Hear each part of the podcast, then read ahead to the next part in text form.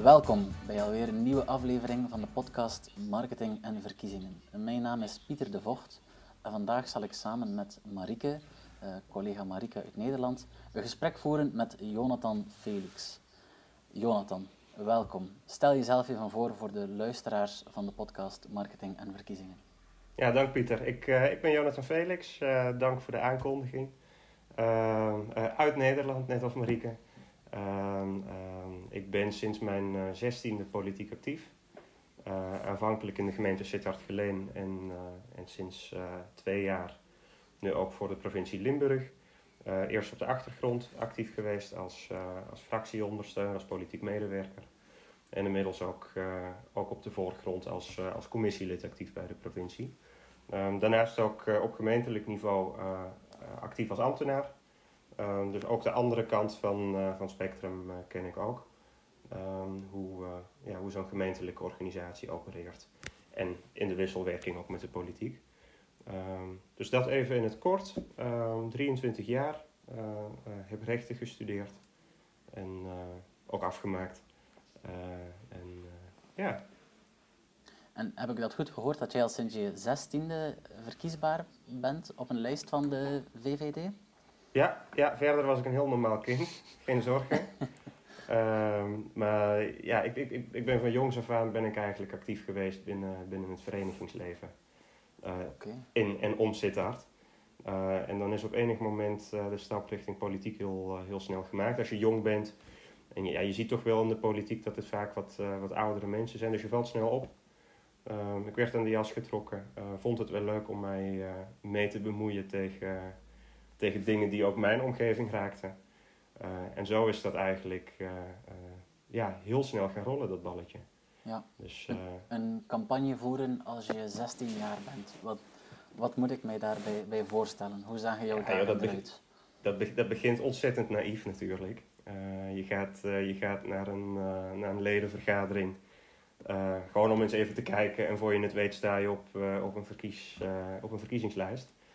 Uh, en ja, dan begin je met, uh, met van die slogans kies mij omdat ik jong ben. Maar ja, dan ben ik inmiddels ook achter. Uh, je wordt vanzelf uh, word je ook wel ouder.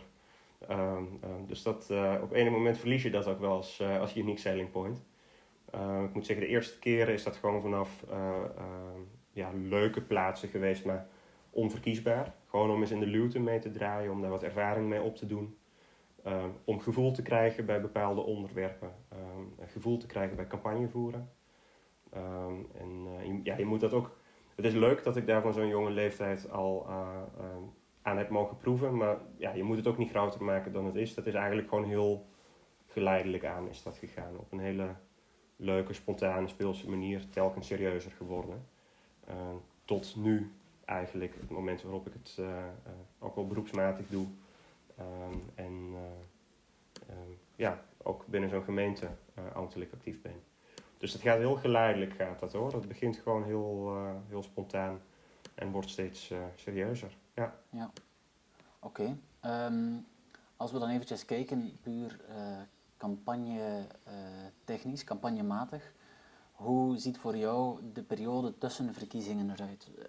in welke mate ben je dan bezig met campagne voeren of heb je al de verkiezingen achteraan in je hoofd?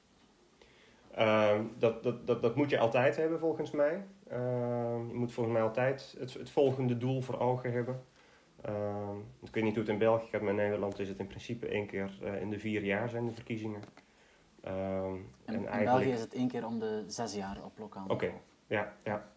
Ja, eigenlijk na iedere ronde ben je eigenlijk alweer bezig voor de volgende herverkiezing. Uh, voor de volgende keer uh, bezig. En ik moet zeggen, bij mij gaat dat misschien wat uh, gemoedelijker, omdat ik, ja, zoals ik net beschreef, uh, ik ben een verenigingsman. Uh, ik haal daar veel stemmen vandaan. Um, en dat lidmaatschap van die vereniging, die loopt gewoon ook door. Dus dat is niet iets wat, wat alleen in, in, in verkiezingstijd actief wordt. En ik denk dat dat ook wel het belangrijkste is voor een volksvertegenwoordiger. Dat is wat je, wat, wat je vaker hoort op de televisie of, of op de radio. dat mensen zich beklagen over het feit uh, van ja, we zien ze één keer in de vier jaar, of zoals in België, we zien ze één keer in de zes jaar. Ja. Ik denk dat het belangrijkste is dat je, uh, dat je ook in de tussenliggende periodes uh, zichtbaar bent. Ehm, zowel offline, maar in coronatijden gaat dat helaas niet met grote groepen. Um, dus dat je ook zichtbaar bent op sociale media, dat je communiceert waar je mee bezig bent. en dat is zeker niet altijd even interessant, maar ik vind wel dat het erbij hoort te laten zien van, hey, jullie hebben toen op me gestemd. Ehm, ik ben er nog steeds mee bezig. Ehm, en als jullie willen, uh, weet me te vinden. Ik geef graag tekst en uitleg. Uh, en als dat niet zo is, ook even goede vrienden.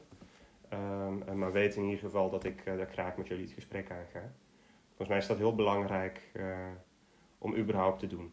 Ja, dus die, die zichtbaarheid in de periode tussen verkiezingen, of eigenlijk vlak na de vorige verkiezing, moet je die zichtbaarheid blijven tonen, blijven zelf uitstralen naar die kiezers toe.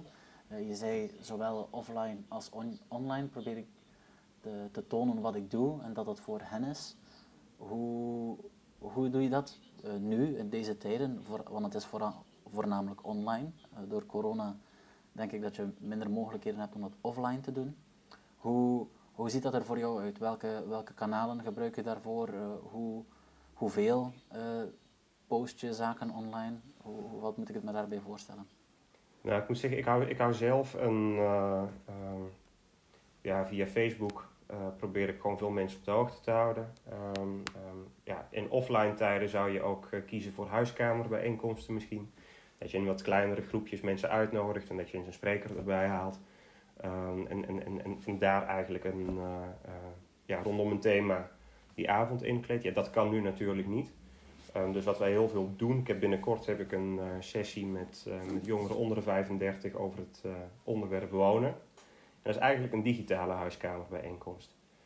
Weet voor jongeren is het gewoon moeilijk om er nu tussen te komen op de woning, maar ik heb zelf net een huis gekocht, dus ik weet dat ook gewoon uit eigen ervaring hoe moeilijk dat is en dat het met name voor een jonge doelgroep speelt.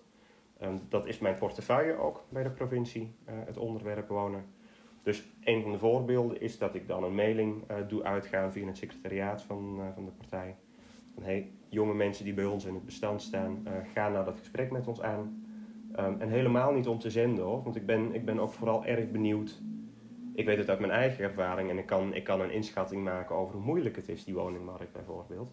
Maar ik vind het juist ook interessant om, als ik straks het woord voer bij de provincie op het onderwerp wonen, Um, dat ik ook kan putten uit ervaringen van anderen. Um, dat ik de voorbeelden paraat heb. Ja. Um, dus wat dat betreft is dat voor mij ook gewoon een open gesprek. Uh, dus via Zoom en via Teams uh, doe je dat in coronatijden. Normaal gesproken zou je dat, zou ik zeggen, nou, doe je een, uh, een politieke avond in, in een café. Politiek en pils of zo zou dat dan zo kunnen heten. maar wel op een toegankelijke manier toenadering zoeken. Dat gaat helaas niet, dus dat is uh, via sociale media, um, uh, Facebook, Instagram. Um, en daar houdt het voor mij ook op hoor. Uh, ik weet dat er nog wel meer is. TikTok, Snapchat, weet ik veel wat allemaal. Maar dat wordt volgens mij heel raar als ik, als ik op dat soort media de communicatie moet gaan doen. Nochtans, pas. bij jou in de partij, de, als ik me niet vergis, de VVD heeft een, een actief TikTok-account. Ja. Maar ze hebben jou nog niet kunnen overtuigen om het zelf ook uh, op te starten. Nou, ik moet zeggen, daar zit, daar zit, daar zit een leuk team achter uh, dat dat doet. En voor wie dat ook gewoon de normaalste zaak is en waarbij het ook normaal is om dat op een authentieke manier over te brengen. Uh, op het moment dat ik, dit, dat ik dit nu zelf moet gaan bedenken op lokaal niveau en ja, vol, volgens mij zet je jezelf dan alleen maar voor gek. en dan kan ik volgens mij beter vanuit de inhoud het gesprek aangaan en op een toegankelijke manier. Um, en, en, en, daar echt niet een eh, te moeilijke bewoording of te moeilijk over doen. Volgens mij is dat uh, in mijn geval toegankelijker dan uh, um, ja, mezelf anders voor gaan doen op een medium als TikTok. en dansjes doen die niks met het beleidsterrein wonen of water of handhaving te maken hebben. Ehm, volgens mij kan ik dan gewoon beter bij de inhoud blijven. Ja, als je dan in, in tijden buiten corona eh, een, een huiskamermoment uh, organiseert, een politieke pils, uh, als ik het goed had gehoord. Um, en, en daar komen mensen naartoe en achteraf zeggen die, ja, meneer Felix, dat was, dat was interessant, hoe, hoe kan ik op de hoogte blijven? hoe, hoe probeer je die mensen dan betrokken te houden bij wat je doet? Verwijs je hen dan, naar, allez, dan door naar, jou, naar jouw Instagram of gebruik je ook een e-mail service? Ja. Of? Ja, ik heb, ik heb vanuit de partij ook gewoon een. eh, ik, ik, ik gebruik gewoon een e-mailadres. Ehm, staat ook op internet sowieso. Ehm, ik doe niet moeilijk over mijn telefoonnummer. Dus ik ben zelf ook wel redelijk van de. Ja, van, ik, ik ben wel benaderbaar. Mhm. Dus ik vind het ook wel erg leuk om op het moment dat ik iemand nieuw heb leren kennen, bijvoorbeeld bij zo'n bijeenkomst of, eh, of bij wat voor partijbijeenkomst dan ook, om dan te zeggen, eh, ja, om, om even via LinkedIn of via Facebook of, eh, of even, even telefoonnummers uit te wisselen eh, en elkaar op die manier weten te vinden. Ehm, ja, Maar dus niet dat ik met kaartjes ga strooien of zo, dat, Nee. dat niet. En je bent ook nog een eh, WhatsApp-groep gestart met allemaal activisten die, die zoals GroenLinks, die je op de hoogte wilt houden, die van allerlei Nee, dingen naar elkaar ik- doorsturen. Ik heb nog geen appgroep gemaakt. Ik kan me zomaar voorstellen dat als ik eh, binnenkort op 1 maart ehm, die bijeenkomst over wonen heb, ehm, dat, ik, eh, dat ik wel een appgroepje aanmaak met, eh, met de jongeren. Ehm, om ook gewoon even in contact te blijven. Hoe gaat die zoektocht bij jullie? Hoe, hoe staat het met dat nieuwe huis? Eh, ben je er dit keer wel tussen gekomen? Dit doen we nu bij de provincie op het gebied van wonen. Hebben jullie input voor mij? Ehm, ik kan me alleszins voorstellen dat ik dat, eh, dat, ik dat wel ga doen. Eh, op dit moment nog niet. Eh, maar het is volgens mij wel een hele leuke manier om vanuit de inhoud die voor iemand belangrijk is, namelijk voor die jonge doelgroep, op, een, een, een leuk dak boven je hoofd, Mhm. om op die manier de toenadering te zoeken. En dat, weet je, voor veel mensen is politiek ver van je bed. En volgens mij zit de uitdaging erin om politiek klein te maken en om voor mensen uit te leggen. ehm, ehm, dit raakt zowel jou als mij. Ehm, en, en, en, dat is de verbinding. Ehm, ook al voer ik het woord misschien als politicus en voel jij je als kiezer al dan niet aangesproken, daar zit wel de verbinding in, in dit soort thema's. Ehm, dus ik, ik, ik, ik vind het wel een goed idee waar jij mij zojuist op brengt om een appgroepje aan te maken hoor. Dat, eh, dank. Ja, ik heb het ook maar gewoon afgekeken eh, bij de collega's van, eh, van GroenLinks. Ja. Ja, en WhatsApp is, is nog veel groter, denk ik, in Nederland dan, eh, dan in België. ja, ik geloof je meteen als je het zegt, ik weet het niet. Eh, ja, Eh, ja, dat is toch mijn beperkte ervaring. oké. lekker appen naar elkaar, dat is iets wat in, in Vlaanderen niet gezegd wordt. Maar dat terzijde. Ehm, dus we, hebben nu, we hebben het nu gehad over de periode ja, tussen verkiezingen. Maar bij jullie staat er nu een verkiezing voor de deur. Hoe ziet zo'n campagne er voor jou uit? Eh, ja, enerzijds eh, zonder corona en nu in deze coronatijden. eh, hoe ziet de campagne er nu uit? Ja, wat ik niet heb verteld in mijn, in mijn eigen introductie is dat ik voor Limburg ook een van de campagneleiders ben. Ehm, dat hadden we ons anders voorgesteld en toen kwam corona er inderdaad tussendoor gefietst. Dus het is een campagne anders dan anders. Mhm. Normaal gesproken zou je evenementen eh, organiseren, zou je het groots aanvliegen, eh, zou je echt op campagne gaan. Eh, maar de realiteit is nu ook gewoon dat mensen zich zorgen maken over van alles en nog wat, maar niet over campagnevoerende politici. Dus dat is, dat is voor mij wel de, de, de, niet alleen voor mij, maar ook de kandidaten die daadwerkelijk op die lijst voor de Tweede Kamer staan, ook wel het uitgangspunt. Van, het, het is belangrijk dat we het gesprek aangaan, op manieren zoals ik zojuist omschreef, eh, digitaal ook.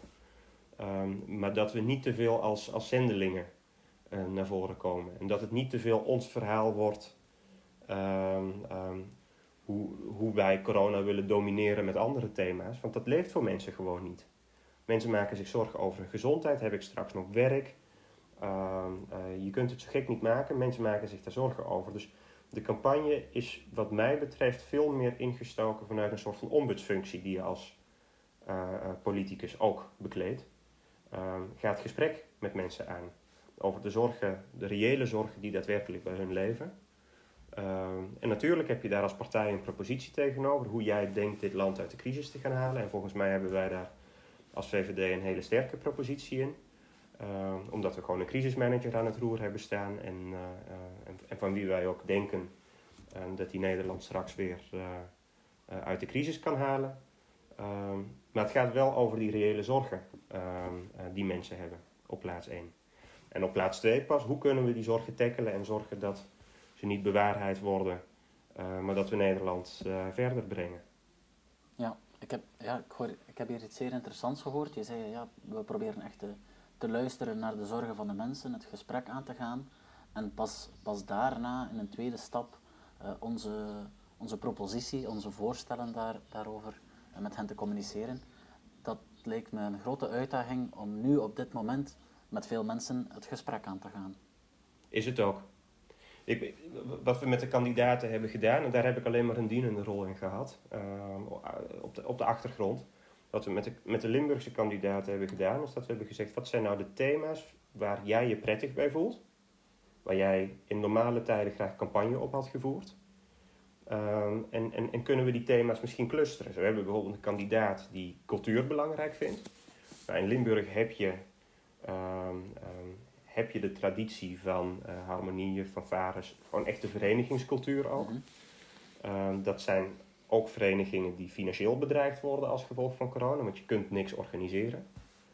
Uh, dus een van die kandidaten heeft gewoon rondom dat thema waar hij in normale tijden campagne om had willen voeren, namelijk cultuur, volkscultuur, heeft hij gezegd: Ik ga van die huiskamerbijeenkomsten organiseren waarbij ik het de ene keer over cultureel ondernemerschap heb, waarbij ik het een andere keer over volkscultuur binnen verenigingen heb. En dan nodig ik gasten bij uit die iets met dat onderwerp hebben, um, die ook binnen dat onderwerp bepaalde zorgen hebben. En dan gaan we over in gesprek. Aan de ene kant wat die zorgen zijn en hoe ik daar als kandidaat tegenover kijk en hoe ik denk dat ik ja, die zorg het hoofd kan bieden en zorgen dat die, uh, dat die zorgen niet bewaarheid worden. Dus het is, het, het, het is een andere manier van campagne voeren dan voorheen meer op de achtergrond als het ware. En, uh, en meer luisteren in plaats van zenden. Ja, is dat een ervaring die je meer had in de vorige verkiezingen? Dat je meer uh, je boodschap zoveel mogelijk probeerde te pushen naar, uh, naar de mensen en dat, dat nu uh, de partij zich terughoudender opstelt? Ja, en dat verschilt natuurlijk ook per partij. Hè? Daar moet ik ook gewoon eerlijk over zijn.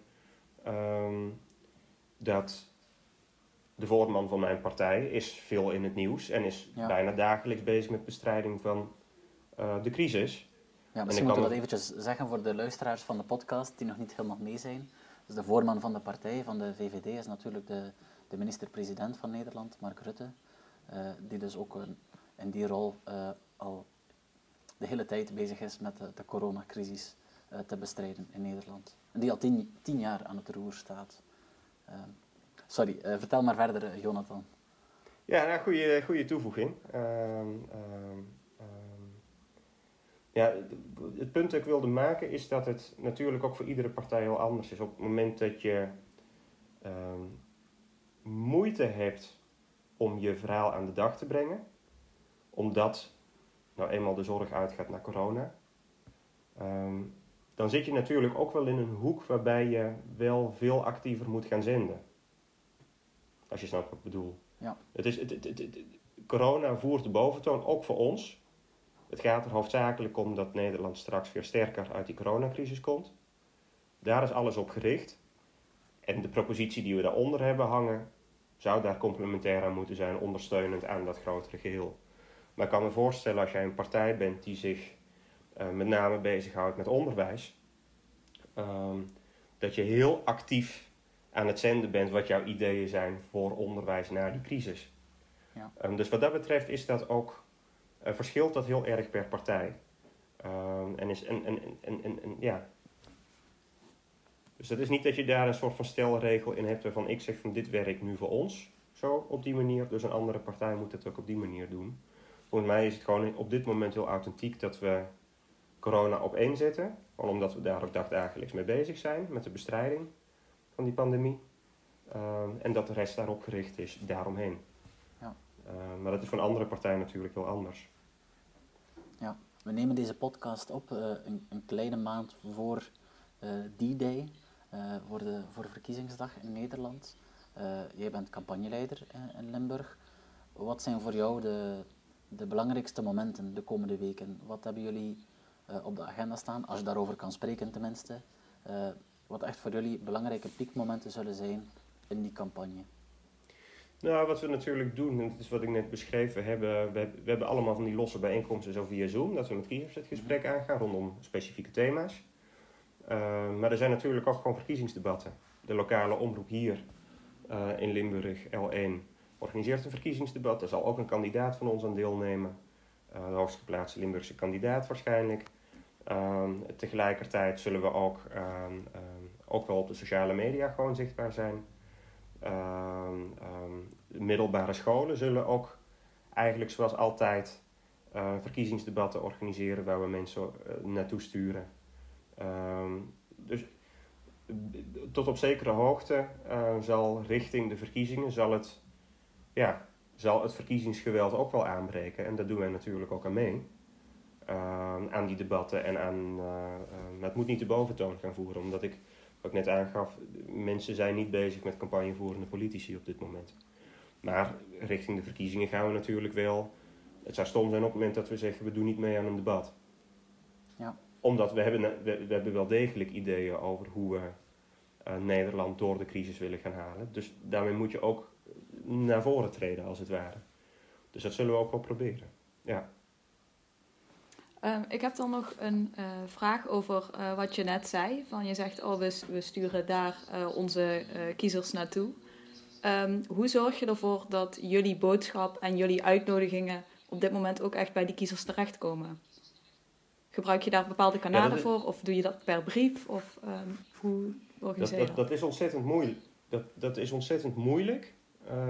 omdat wat je ziet, ik weet niet hoe jullie dat in België zouden noemen, maar wij noemen dat schermmoe. Um, ja, ik, ik merk dat zelf ook. Ik zit van 9 tot 5 uh, eh, en, en, en, eigenlijk ook wel wat langer uh, dagdagelijks zit ik te teamsen met collega's. Um, als er dan s'avonds ook nog een partijbijeenkomst is. En ook als je bijvoorbeeld lid bent of sympathisant van de VVD of van welke partij dan ook. En je hebt de hele dag achter, uh, achter het computerscherm gezeten. Ja, het, is, het is uiteindelijk best wel een drempel om ja. toch in te schakelen op zo'n sessie. Dus het is best moeilijk um, om in deze tijd uh, hele grote doelgroepen te bereiken. Um, um, dat realiseer ik me. het enige wat je kunt doen is uh, rondom die thema's gericht mensen benaderen. Van hé, hey, misschien vind jij dit interessant om bij deze sessie aan te haken, want die organiseren we volgende week. Uh, dus sluit alsjeblieft aan dat is eigenlijk het enige wat je kunt doen. En, en eigenlijk binnen je, je, je mailingbestand toch mensen op de hoogte houden. Van dit zijn de activiteiten die wij in deze regio uh, organiseren. Uh, maar goed, het is uiteindelijk, en dat is ook maar goed ook, uh, mensen bepalen zelf of ze aansluiten. En dat is, dat is altijd een verrassing. En, en zeker in deze tijden, wat ik zeg, je hebt, je, hebt geen zin om van ochtends vroeg tot avonds laat de hele dag naar, naar dat laptopscherm te kijken. Dus dat is wel de realiteit waar we ook mee te maken hebben. Dus we moeten er wel hard voor uh, rennen om ook daadwerkelijk die toenadering te zoeken. En dat, ja, ik vind het niet gek hoor. Ik, ik, ik merk het aan mezelf ook hoe moe ik inmiddels word van, ja. uh, van die beeldschermen. Ja, jullie moeten veel moeite doen om uh, de mensen, om mogelijk, mogelijk geïnteresseerden, mogelijke kiezers dus, bij jullie verhaal te betrekken. En begrijp me niet verkeerd, we, we, moeten ook moeite doen. Hè? Dus dat is geen, dat is ja. geen klacht. Wij willen ons verhaal aan het voetlicht brengen, dus tuurlijk doen we daar moeite voor. Maar je merkt natuurlijk wel dat in deze tijden dat het nog iets moeilijker is dan normaal. Ja.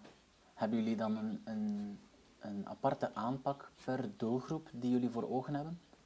Want ik veronderstel dat jullie ja, een beetje jullie kiezers in bepaalde doelgroepen uh, uh, ja, gieten en kijken, oké, dit zijn hier succesvolle doelgroepen. En dan bij andere leeftijdsgroepen of uh, bepaalde beroepscategorieën, daar, daar scoren we niet goed. Hoe, hoe proberen jullie dan die groepen juist wel te bereiken? Ik denk dat het heel erg afhankelijk is van het thema waar je mee um, naar voren treedt. Iemand, um, iemand die interesse heeft in cultuur is over het algemeen, dan heb ik het over de zachte kant, uh, is een andere doelgroep over het algemeen. Ik chargeer even Ehm, ehm, is een andere doelgroep dan iemand die voor de diehard economie of veiligheid thema's gaat.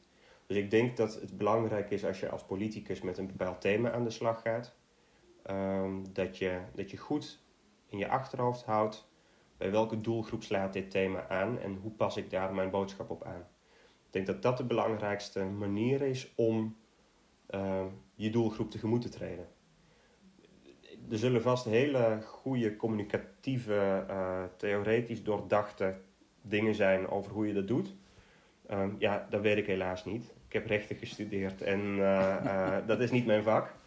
Ehm, ehm, maar mijn boerenverstand zegt dat ik vanuit een thema de toenadering zoek tot de doelgroep.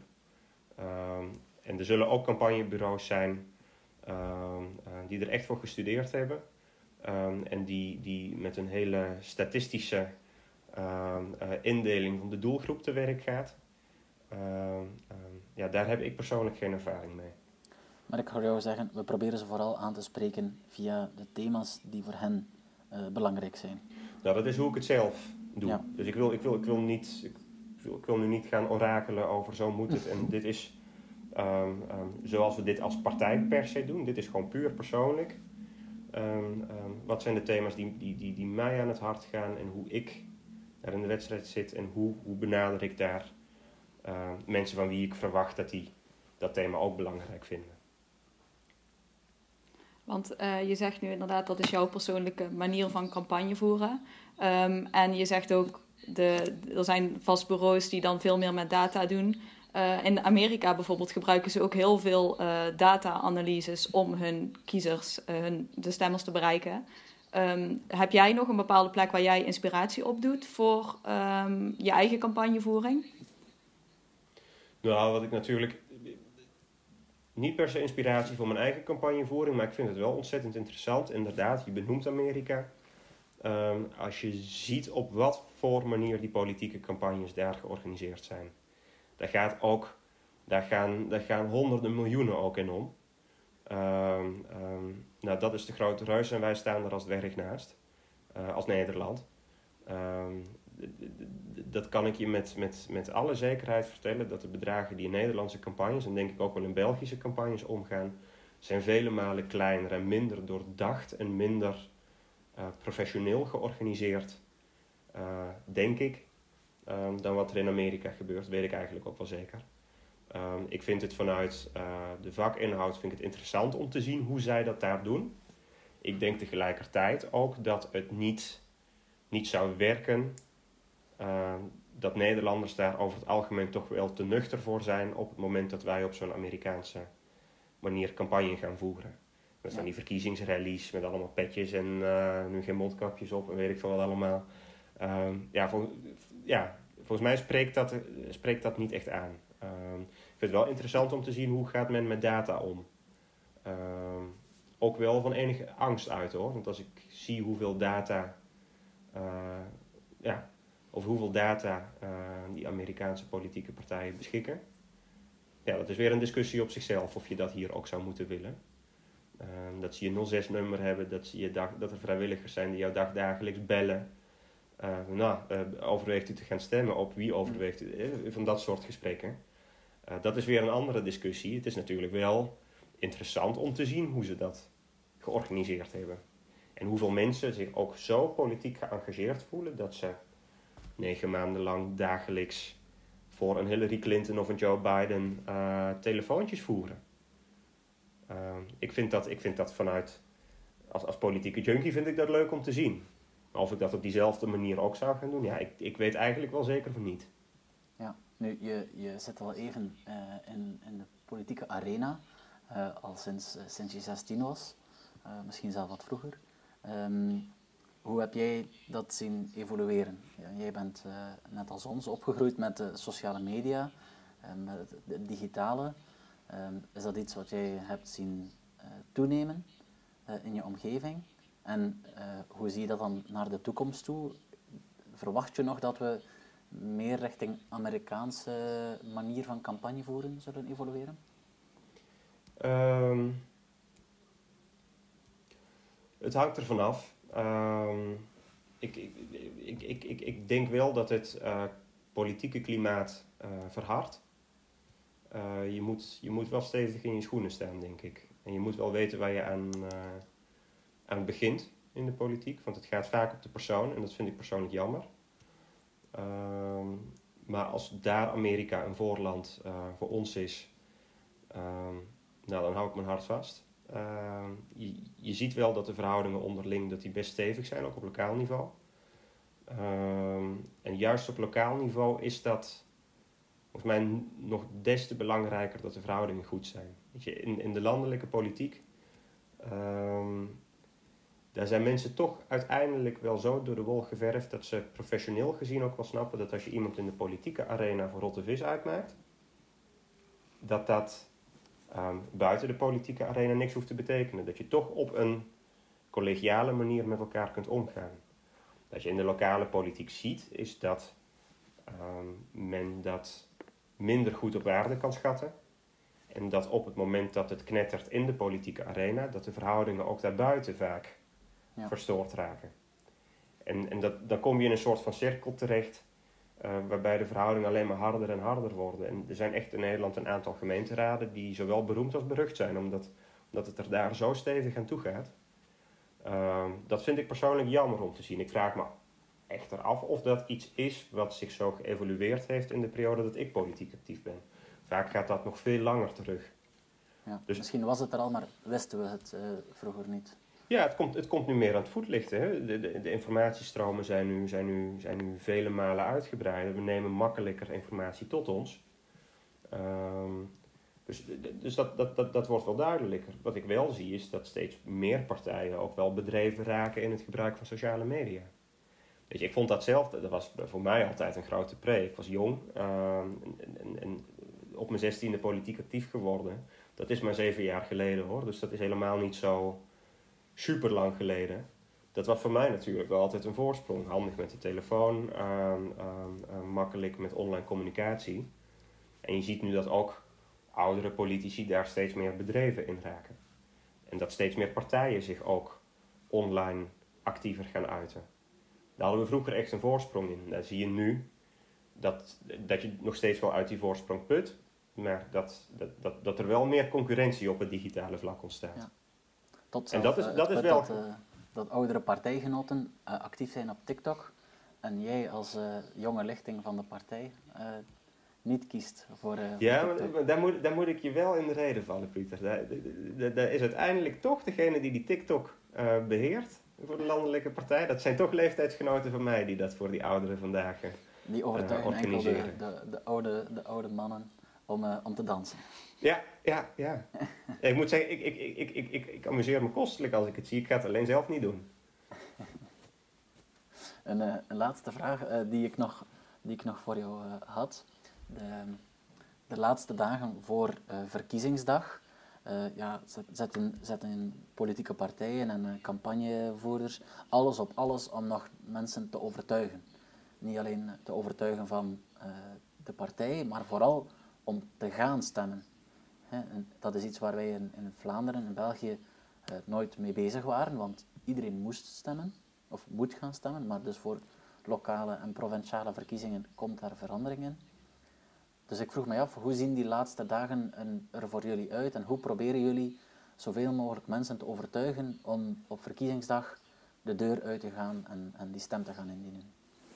Nou, wat ik persoonlijk denk is dat naarmate je meer richting, uh, richting de verkiezingsdag of vanwege corona verkiezingsdagen gaat, um, dat de media veel actiever gaan berichten nog over uh, de verkiezingen. Dat, dat je echt merkt dat het ergens over gaat. Ehm, je ziet natuurlijk dat campagnegeweld dan ook wel toenemen. Je ziet dan ook gebeuren dat partijen zich actiever nog gaan profileren dan dat ze nu al doen. Ehm, men moet uiteindelijk het gevoel krijgen, volgens mij, dat, het, dat hun stem ertoe doet. Dat er daadwerkelijk wat valt te kiezen op de, uh, op de, op de verkiezingsdag of verkiezingsdagen. Um, en dat het niet één van de zoveel stemmen is. Nee, die ene stem die doet ertoe en je bepaalt aan mij het beleid voor de komende vier jaar. En natuurlijk, dat gaat wel vanuit, dat, dat moet vanuit een intrinsieke motivatie gaan. Dus ik vind het daarom ook wel interessant dat in België nu de stemplicht is losgelaten. Want ja, is de besluitvorming er per se bij gebaat dat iemand die intrinsiek niet gemotiveerd is om te gaan stemmen, misschien blanco stemt of uh, uh, misschien een proteststem uh, uit. Dus tuurlijk, alles moet erop gericht zijn om die opkomst zo, zo hoog mogelijk te krijgen. Daar, um, daar, daar, zullen we ons best ook voor doen. Om nog duidelijker te laten zien de komende dagen. Um, ja, wat voor land wil je straks na die verkiezingsdagen in wakker worden? klinkt wel heel dramatisch overigens, maar er is daadwerkelijk een keuze, laat ik dat zo zeggen. Mm die mensen moeten daar wel intrinsiek van gemotiveerd zijn. Van, oh, ik voel me echt prettig om nu op die partij te gaan stemmen en daarom ga ik stemmen. Ehm, en misschien stemmen ze ook wel blanco of gaat er alsnog een proteststem vanuit. Ehm, dat recht heeft iedereen, dat is mooi. Ehm, maar het moet wel van binnenuit komen in plaats van dat we, dat we opleggen van uh, uh, je maakt ons zo ontzettend blij als jij alsjeblieft dat kruisje Ja. uh, in een stemhokje zet. Dus dat, vind, dat, dat zie ik als Nederlander, vind ik dat een, een, een interessante ontwikkeling in België. Waarvan ik ook denk van nou, dat vind ik, dat vind ik, vind ik ook wel mooi dat dat, dat nu losgelaten wordt. Ehm, dat, dat van top-down bepalen je moet gaan stemmen. Want mij moet je, moet je juist zorgen dat men van onderop het gevoel heeft, ik wil gaan stemmen. Ja, nee, dat is, uh, dat is super interessant. Ik schreef het hier alvast op. Uh, een, een, zeer belangrijke les die ik hier uh, vandaag van jou heb kunnen leren. ja, mensen moeten het willen. ze hebben, ze moeten, als ze het gevoel hebben dat ze moeten stemmen, dan zal het niet werken. Het moet van binnen komen, het gevoel dat, ze, dat hun stem ertoe doet, dat ze mee bepalen hoe, hoe het beleid er zal uitzien. Een andere zeer belangrijke les is dat je, dat je je doelgroepen vanuit een gezond boerenverstand, zoals je zei, vanuit een thema proberen te benaderen. Een thema dat belangrijk is voor de doelgroep. Zo probeer je die doelgroep te benaderen. en dan een derde, en dat, die kwam helemaal in het begin, die vond ik ook zeer interessant. zeker in, deze, in deze tijden van crisis is het belangrijk dat, dat je eerst naar de zorgen van de mensen luistert en het gesprek met hen aangaat. en pas daarna uh, met jouw voorstellen komt hoe, hoe jij het ziet. Maar niet omgekeerd. Uh, want dat, dat anders zo dat de mensen niet, uh, niet zullen luisteren of er geen, geen waarde aan zullen hechten. Dus dat, dat zijn drie belangrijke lessen die ik hier van vandaag meeneem. Dank je wel daarvoor, Jonathan. Ja, graag gedaan. En als je dat zo zegt, klinkt het bijna alsof ik ervoor gestudeerd heb. Wel, ik wil je alvast bedanken voor je aanwezigheid hier in de podcast. Ook bedankt aan Marieke om samen met mij Jonathan te interviewen. Uh, en bedankt aan de luisteraars om uh, te luisteren naar deze uh, aflevering van de podcast Marketing en Verkiezingen. Als jullie ook, net als wij, deze podcast zeer fijn vonden, in dit gesprek met Jonathan Felix, aarzel dan niet om in de podcast-app een review achter te laten of ons sterren te geven, zodat ook andere mensen de podcast Marketing en Verkiezingen vinden.